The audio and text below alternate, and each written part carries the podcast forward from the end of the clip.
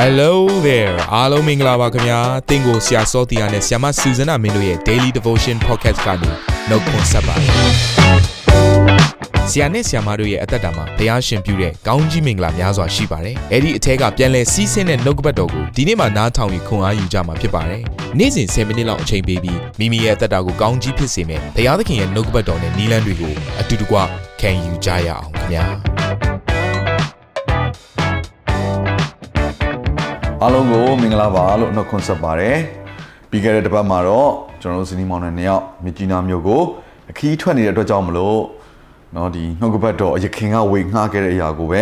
daily devotions တွေနဲ့ပြန်ပြီးတော့ထုတ်လင်းခဲ့တာဖြစ်ပါတယ်ဒီတစ်ပတ်မှာတော့နောက်ထပ်ခေါင်းစဉ်အသစ်တစ်ခုအပြင်နှုတ်ကပတ်တော်ကိုခံယူလက်ဆင်ခြင်ရအောင်အဲ့တော့ဒီတစ်ပတ်အတွက်ခေါင်းစဉ်ကတော့အလုံးစုံလုံခြုံစိတ်ချမှုရှိတဲ့အသက်တာဆိုတဲ့ခေါင်းစဉ်အပြင်ကျွန်တော်တို့ အာလီလာဖို့ဖြစ်ပါတယ်အဲ့တော့ပထမဦးဆုံး day 1အတွက်ပေါ့နော်ခေါင်းစဉ်ကတော့အဘယ်အရက်ကလုံခြုံတယ်လဲဆိုတော့ဒီမေကွန်းလေးနဲ့ကျွန်တော်တို့လေ့လာရအောင်ဆိုတော့ဒီမေကွန်းကကျွန်တော်တို့ဒီနေ့မှာပဲမေးတဲ့မေကွန်းမဟုတ်ပါဘူးဒီလောကကမ္ဘာမှာနေထိုင်တဲ့လူသားအားလုံးက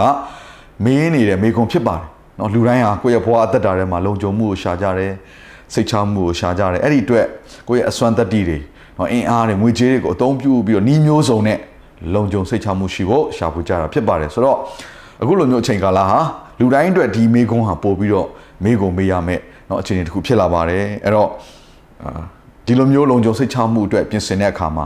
เนาะအခုကျွန်တော်တို့အခုခေတ်ကာလမှာဆိုရင်ဒါအာမခံเนาะကုမ္ပဏီတွေပေါ်လာတာပဲအဲ့တော့အသက်အာမခံကားစီးရလူဆိုကားနဲ့ပတ်သက်တဲ့เนาะဒါအာမခံနောက်တစ်ခုကမီးအာမခံဒီလိုမျိုးအာမခံတွေအများကြီးပေါ်လာကြတယ်အဲ့တော့ ကိုယ့်ရဲ့ပိုင်ဆိုင်တဲ့ငွေကြေးကိုသုံးပြီးတော့ကိုယ့်ရဲ့နော်အသက်တာထဲမှာရှိတဲ့အရာတွေကိုကွဲကားဖို့စူးစမ်းကြတာပေါ့။နောက်တချို့တွေဆိုရင်ဘေးမှာ body guard တွေပါတယ်ထားပြီးတော့ဒါ security agency တွေပုံစံမျိုးနဲ့လောက်ကြတယ်။တချို့ဆိုရင်လည်းဒါအစိုးရကအထောက်အပံ့နဲ့ပေါ့နော်။ဒါကိုယ့်ရဲ့ဘဝအသက်တာထဲမှာအနာဂတ်မှာလုံခြုံမှုရှိဖို့ဆိုပြီးတော့ငွေကြေးတွေစုဆောင်းကြတာရှိတယ်။အာစင်ကာပူနိုင်ငံမှာဆိုရင်ပေါ့နော်အစိုးရကဒီအလုတ်လုတ်တဲ့အထက်ကနေပြီးတော့လာစာတွေကငွေကြေးကိုဖျက်ယူထားပြီးတော့ စုထားပေးတာပေါ့နော်အကုန်လုံးသုံးပြင်မှာဆိုလို့ဘာကြောင့်လဲဆိုတော့ဒီသူရဲ့နိုင်ငံသားတွေအာလှုပ်လှုပ်ပြီးတော့နောက်ပိုင်းမှာအသက်ကြီးလာတဲ့အချိန်အလုံးမလုံးနိုင်တော့တဲ့အချိန်ကြာရင်လိုအပ်တဲ့ငွေကြေးတစုံတရာသူတို့စီမှာရှိနိုင်ဖို့အိမ်ဝယ်ဖို့ပေါ့ဒါမှမဟုတ်ရင်လည်းကျန်းမာရေးနဲ့ပတ်သက်တဲ့အရာဒါအတွက်နောက် social security ဆိုတဲ့ fund ဒါမျိုးလေးလှုပ်ထားပေးပါတယ်နောက်တစ်ခါတိုင်းနိုင်ငံတစ်ခုလုံးအနေနဲ့ဆိုရင်တိုင်းနိုင်ငံတွေမှာစစ်တပ်တွေကိုထားထားကြတယ်ဘာအတွက်လဲ တိုင်းနိုင်ငံလုံခြုံစိတ်ချခြင်းရှိဖို့အခြားတိုင်းနိုင်ငံလာပြီးတော့မတိုက်ခိုက်ဖို့မသိမ်းပိုက်ဖို့မကျူးကျော်ဖို့ပေါ့ဒါပေမဲ့လည်းတိုင်းနိုင်ငံတစ်ခုရဲ့အင်အားတောင့်တင်းခြင်းဟာသူ့ဘေးနားမှာရှိတဲ့အခြားသောတိုင်းနိုင်ငံတွေအတွက်စိတ်မချစရာအကြောင်းဖြစ်တယ်။အဲ့တော့ဒီလောကမှာတော့ဒီသဘောတရားရှိပါတယ်နော်။တယောက်သောသူရဲ့စိတ်ချလုံခြုံခြင်းဟာအခြားသောလူတယောက်အတွက်စိုးရင်စရာအကြောင်းတွေအများကြီးရှိနိုင်တယ်။ဒါကြောင့်မို့ကျွန်တော်တို့နှုတ်ကပတ်တော်ထဲမှာ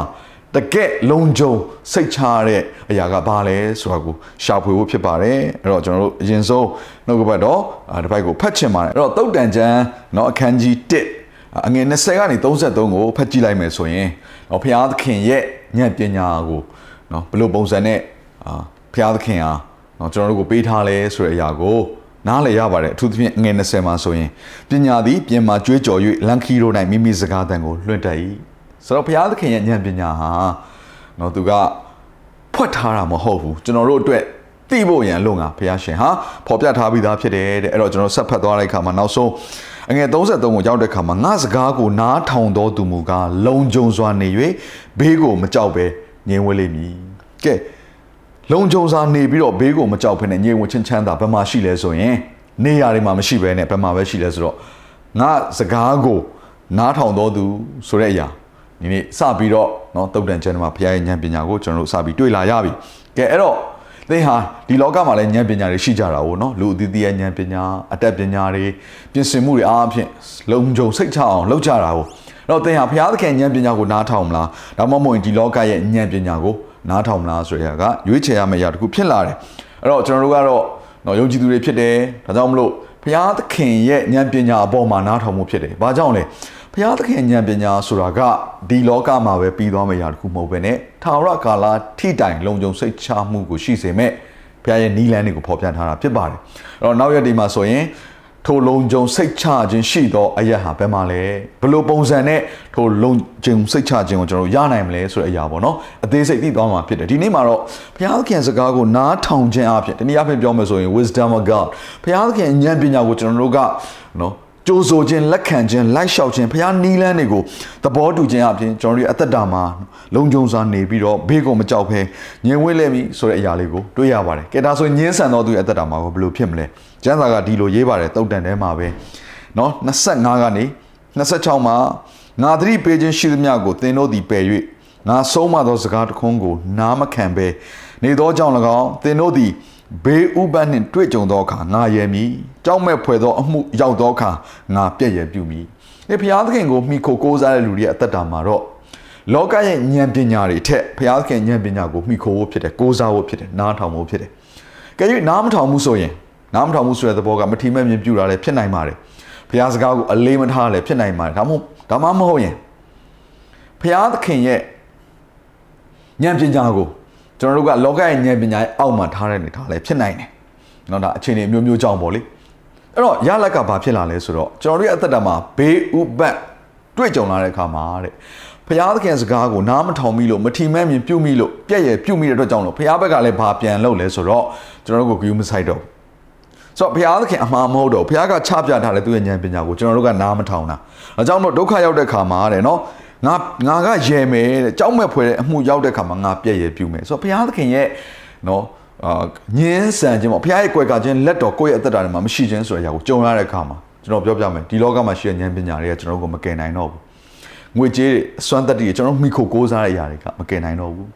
ဒီနေ့တိုင်းနိုင်ငံတစ်ခုမှာနေပြီးတော့အဲ့တိုင်းနိုင်ငံရဲ့အစိုးရကကိုယ့်ကိုပြန်ပြီးတော့အန်ဒီရပြုတယ်ဆိုရင်သင်ဘယ်သူ့ကိုသွားခိုးလုံးမလဲအခွင့်အာဏာရှိသောသူတွေ နော်ကျွန်တော်တို့ကိုကွယ်ကာရမဲ့သူတွေကကျွန်တော်တို့ကိုဒုက္ခပေးနေပြီဆိုရင်သင်ဘယ်သူ့ကိုသွားပြီးမိခိုးစရာအကြောင်းရှိမလဲမရှိတော့ဘူးဒါကြောင့်မို့တတိယပါဒီလောကမှာရှိတဲ့မိခိုကိုးစားစရာကောင်းတဲ့အရာခက်သိမ်းဟာအနတ္တတသက်ဖြစ်တယ်နော်ဒီနေ့အဖြစ်ပြောမလို့မြင်ရတော့အရာအလုံးဟာ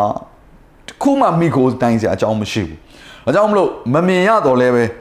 ထာဝရတိုင်တည်ပြီးတော့သစ္စာရှိသောထိုဘုရားသခင်စကားကိုနားထောင်မယ်ဘုရားသခင်ဉာဏ်ပညာကိုကြိုးဆိုမယ်ဆိုရင်တော့ကျွန်တော်တို့ရဲ့အသက်တာဟာဒုက္ခရောက်တဲ့ချိန်မှာလုံခြုံစရာအကြောင်းရှိတယ်เนาะဒါကြောင့်မလို့ကျွန်တော်တို့မိကိုကိုးစားတဲ့လောကအရာတွေလူသားတွေဟာမြက်ပင်ကဲ့သို့ဖြစ်တယ်ဆိုတဲ့အရာလေးကိုဟေရှာအခန်းကြီး40ငယ်6ကနေရှင်မှာရေးထားပါတယ်တဖန်ထိုအတန်ကဟစ်ကြော်လို့ဟုဆိုရင်ငါကအပေရာကိုဟစ်ကြော်ရမည်နည်းမေးတော်လူမျိုးရှိသမျှသည်မြက်ပင်ဖြစ်၏လူမျိုး၏ဘုံရှိသမျှသည်လည်းတောအပွင့်ကဲ့သို့ဖြစ်၏ ထာဝရဘုရား၏လေတိုက်သောအခါမြက်ပင်သည်ညှိုးနွမ်းသွေးချောက်တိုက်အပွင့်လဲကြွေတိုက်အကယ်စင်စစ်လူတို့သည်မြက်ပင်ဖြစ်ကြ၏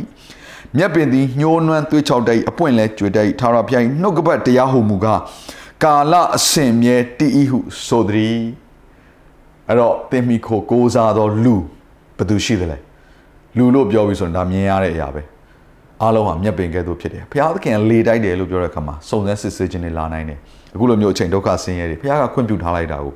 ကျမ်းစာတစ်ချက်ကဘာပြောလဲဆိုတော့ဘုရားသခင်ကတိုင်းနိုင်ငံတွေကိုလှုပ်ခါမယ်နော် I will shake everything I will shake the nations ဆိုဘုရားသခင်ရဲ့တရားစီရင်ခြင်းနဲ့တိုင်းနိုင်ငံတွေကိုလှုပ်ခါပြီးနောက်ဆုံးသောအချိန်ကာလမှာ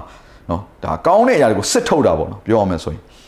နော်တန်ရှင်သောအရာနဲ့မတန်ရှင်တဲ့အရာခွဲခြားတဲ့အချိန်ကာလတခုရောက်လာတဲ့အချိန်ကြရင်နော်ကျွန်တော်တို့မိကိုကိုးစားတဲ့အရာတွေအားလုံးဟာအဲ့ဒီစောစောကဘုရားသခင်ဖယ်တဲ့ထဲပါသွားရဲဆိုရင်သင်ဘသူကို မိခိုတော့မလဲမရှိတော့ဘူးဒါကြောင့်မလို့ဒီနေ့မမြင်ရတော့လည်းပဲထာဝရတည်သောဘုရားသခင်ကိုမိခိုဖို့ဖြစ်တယ်ဒါကြောင့်မို့ကျွန်တော်တို့ကိုနော်နှစ်ကောနော်အခန်းကြီး၄အငယ်၁၇မှာနှုတ်ကပတ်ကျမ်းစာအဖြစ်သတိပေးထားတဲ့အရာတစ်ချက်ကအကြောင်းမူကားမျက်မှောက်၌ထင်ရှားသောအရာတို့သည်ခဏသာတည်၍မထင်ရှားသောအရာတို့သည်အစဉ်မြဲတည်ကြောင်းကိုငါတို့သည်ထောက်လျက်ထင်ရှားသောအရာတို့ကိုမကြည့်မမှတ်ဘဲမထင်ရှားသောအရာတို့ကိုကြည့်မှတ်စဉ်အခါယခုခဏခံရ၍ပေါ်ပါသောဆင်းရဲခြင်းဒုက္ခသည်အတိုင်းထက်အလွန်ကြီးမြတ်လေးလံသော နေဆာထာဝရဘုံအတရေကိုငါတို့အဖို့ဖြစ်စေတတ်၏အာမင်ဒီနှုတ်ကပတ်တော်တိုင်းပဲဒီနေ့နော်ကျွန်တော်တို့မြင်ရတဲ့အရာတွေအားလုံးပေါ်မှာမမိခိုပဲနဲ့မမြင်ရတော့နော်မထင်ရှားတော့လည်းပဲအစင်အမြဲတည်သောအရာတို့ကိုဆွဲလန်းသိမှတ်ပြီးတော့နော်ကျွန်တော်တို့ထာဝရနဲ့ဆိုင်သောမျှော်လင့်ခြင်းထာဝရနဲ့ဆိုင်သောစိတ်ချလုံခြုံမှုကိုပေးသောဘုရားကိုမိခိုဖို့ဖြစ်တဲ့သူစကားကိုနားထောင်ဖို့ဖြစ်တဲ့ဒါဆိုရင်တော့လုံခြုံစွာနေပြီးတော့ဘေးကိုမကြောက်ပဲ ငြိမ်ဝှက်ခြင်းဆိုတဲ့အရာကိုအခုလိုမျိုးမှောင်မှတ်ရကာလဒုက္ခဆင်းရဲရောက်နေတဲ့အချိန်ကာလမှာပဲသင်ခံစားမှာဖြစ်ပါတယ်เนาะဒါကြောင့်မလို့မေခွန်းလေးเนาะဒီနေ့ခေါင်းစဉ်ကမေခွန်းလေးဖြစ်တယ်အပယ်ရက်ကလုံခြုံတယ်လေ ဒီဘုရားသခင်ပြောနေတဲ့စကားဘုရားသခင်နှုတ်ကပတ်တရားဘုရားသခင်ရဲ့ဉာဏ်ပညာကိုကျွန်တော်တို့စနားထောင်ပြီးတော့အဖြေကိုရှာဖို့ဖြစ်ပါတယ်ဘုရားသခင်စီမှာပဲအဖြေရှိတယ်ဆိုရင်ຢာလေးကိုသတိပေးရင်လည်းနှုတ်ကပတ်တော့ဝေငှလိုပါတယ်ခဏလောက်ဆုတောင်းရအောင် ဘုရားသခင်ကိုရောကိုယေရှုတင်ပါတယ်ကိုရောကောင်းမြတ်ပါတယ်ဒီနေ့မှာသားတို့နှုတ်ကပတ်တော်ကိုလေ့လာတဲ့အခါမှာယခုလိုအချိန်ကာလမှာပင်လင်ကျွန်တော်တို့ဒီလုံခြုံရာအရက်ကိုရှာဖွေနေကြပါတယ်သို့တော်လည်းပဲကိုရဲနှုတ်ကပတ်တော်တရားအားဖြင့်ကိုရဲဉာဏ်ပညာအတန်လွှင့်ခြင်းအားဖြင့်ဒါမျိုးသိရတဲ့အရာကတော့ကိုရဲစကားကိုနားထောင်ခြင်းနှုတ်ကပတ်တရားကိုနားထောင်ခြင်းသာလျှင်ကျွန်တော်တို့အတွက်လုံခြုံရာလမ်းဖြစ်တယ်ကိုရောသာလျှင်အဖြစ်ဖြစ်သောကြောင့်ဒီနေ့နှုတ်ကပတ်တော်ကိုနားထောင်သူတယောက်စီတိုင်းအသက်တာထဲမှာ လောကမှာမြင်ရတဲ့အရာတွေမိခိုကိုးစားစရာအကြောင်းရှိသမျှအပေါ်မှာစိတ်ချမှုထားတာမဟုတ်ဘဲနဲ့မိမိအသက်တာကိုအနန္တာမဟုတ်ဘဲနဲ့ကိုရဲနှုတ်ကပတ်တရားကိုနားထောင်ပြီးတော့ကိုရောလမ်းကိုရှာဖွေတတ်ပါမိကြောင်းဝိညာဉ်မျက်စိများကိုဖွင့်ပါဝိညာဉ်နားတွေကိုကြားစေပါအရောက်စီတိုင်းအသက်တာထဲမှာကိုရောစကားကိုနားထောင်ပြီးတော့ဘေးရောက်တဲ့ခါမှာလုံခြုံစွာနေရပြီးတော့ညင်ဝချင်းသည်တို့တက်တာမှာတက်ရောက်ပါမိကြောင်းကိုရောယေရှုပြုပါအသက်ရှင်သောယေရှု၏မြတ်သောနာမကိုအမိပြုလျက်ဆုတောင်းစက္ကန့်ကြပါ၏အာမင် နာတော်တာစင်သူတိုင်းရဲ့အသက်တာမှာကောင်းကြီးဖြစ်မယ်ဆိုတာကိုကျွန်တော်ယုံကြည်ပါတယ်။သင်ရဲ့အသက်တာအတွက်များစွာသော resource တွေနဲ့ update တွေကို Facebook နဲ့ YouTube platform တွေမှာလည်းကျွန်တော်တို့ပြင်ဆင်ထားပါတယ်။ Facebook နဲ့ YouTube တွေမှာဆိုရင် search box ထဲမှာစုစွမ်းနာမင်းလို့ရိုက်ထည့်လိုက်တဲ့အခါအပြရန်အမှန်ချစ်ထားတဲ့ Facebook page နဲ့ YouTube channel ကို တွေ့ရှိမှာဖြစ်ပါတယ်။နှုတ်ကပတ်တော်တွေကိုဗီဒီယိုအားဖြင့်လည်းခွန်အားယူနိုင်ဖို့ရန်အတွက်အဆင်သင့်ပြင်ဆင်ထားပါတယ်။ကျွန်တော်တို့ဝิญဉ်ရေးရာအတွက်အထူးလိုအပ်တဲ့ဖွင့်ပြခြင်းတွေနဲ့ခွန်အားတွေကိုရယူလိုက်ပါ။နောက်ရက်များမှာပြန်ဆုံတွေ့ကြရအောင်ခင်ဗျာအားလုံးကိုနှုတ်ဆက်ပါတယ်